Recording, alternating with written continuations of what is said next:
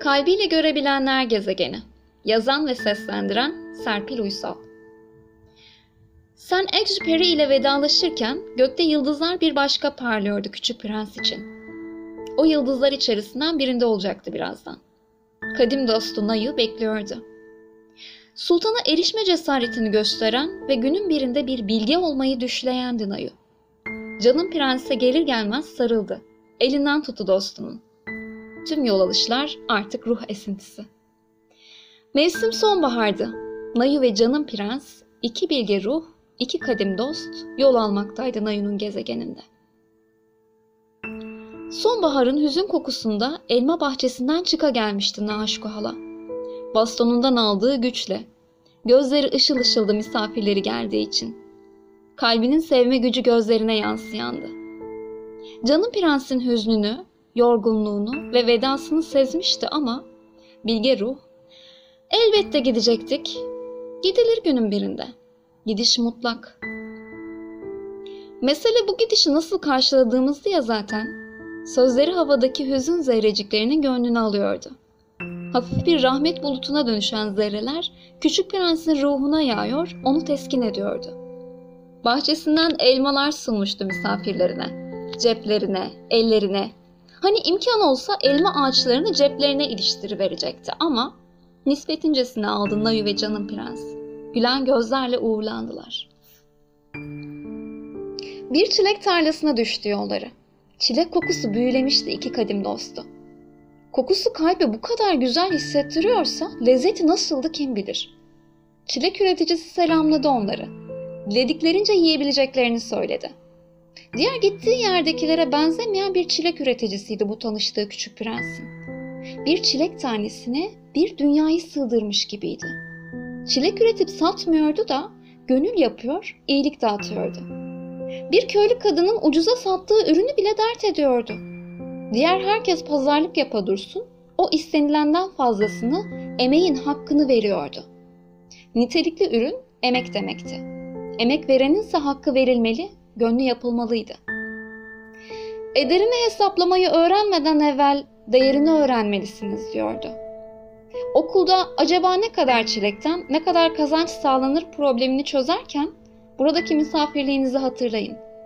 Hayatın matematiği göründüğünden biraz daha farklıdır. Bunu anlamaya çalışın. Büyük insanlar olduğunuzda büyüklüğünüzü isimlerinizin önüne gelen ünvanlardan değil, dürüstlüğünüz ve çalışkanlığınızdan alın demişti. Bilge bir çilek tarlasında aslında bir evren inşa ediyordu. İki dost vedalaştı çilek üreticisiyle. Karınlarından ziyade ruhları doymuştu.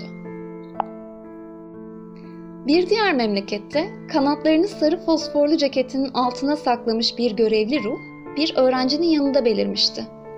Gece karanlığında ona ışık olduğu için öğrenci minnettardı. İyiliğine karşılık ne yapabileceğini soru vermişti. Yaptığı iyile karşılık bir iyilik bekliyorsa bunun adı iyilik olmuyor, alışveriş oluyormuş. Öyle dedi görevli ceketinden altın tozları dökülürken.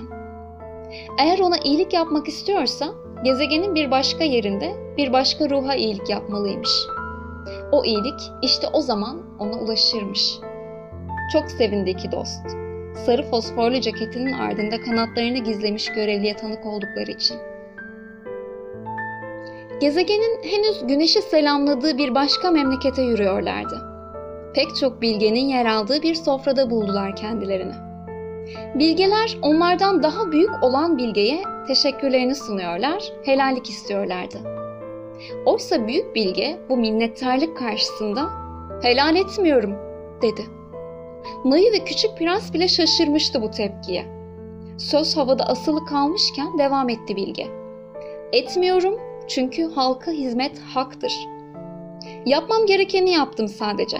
Benlik bir şey yok ki. Benliklerine bilgelik elbisesi giydirilmeyeceğini hatırlamıştı Nayu ve Canım Prens. Bilgelik özdeydi. Daha içeride bir yerlerde. Nayu en son gezegenin kaynağına götürmüştü küçük prensi.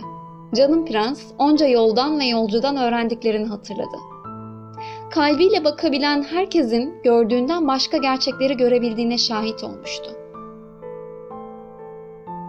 Ya unutursam endişesi vardı kalbinde usul usul veda vakti gelirken. Gezegenin kaynağı tam kalbine fısıldadı. Sendedir öz. Barlayansın sen, hatırlarsın. Yolculuğundaki bütün gezegenleri, kralları, unutmaya çalışanları, çok ciddi ve meşgul olanları, hesap yapanları, gülünü, tilkiyi, naşko halayı, çilek üreticisini, iyi niyetleriyle yaşam inşa edenleri nicesini düşününce içi daraldı. Ya karışırsa bir şeyler, ederler ve değerler. Gezegenin kaynağı gönül aynasında bul dahi olmamalı dedi yüreğine. Küçük prens kalbine koydu elini. Sıcacıktı. Kaynağın fısıltısını, enerjisini tam da kalbinde hissediyordu. Gülü geldi aklına sonra. Gülünü beslediği suyun sakinliği de belki bu kaynaktandı. Neden olmasındı? Nayu'ya kocaman sarıldı. Bir göz açıp kapama süresiydi altın tozuna dönüşüp uçuşması. Hoş bir sada oldu Nayu'nun gök kubbesinde.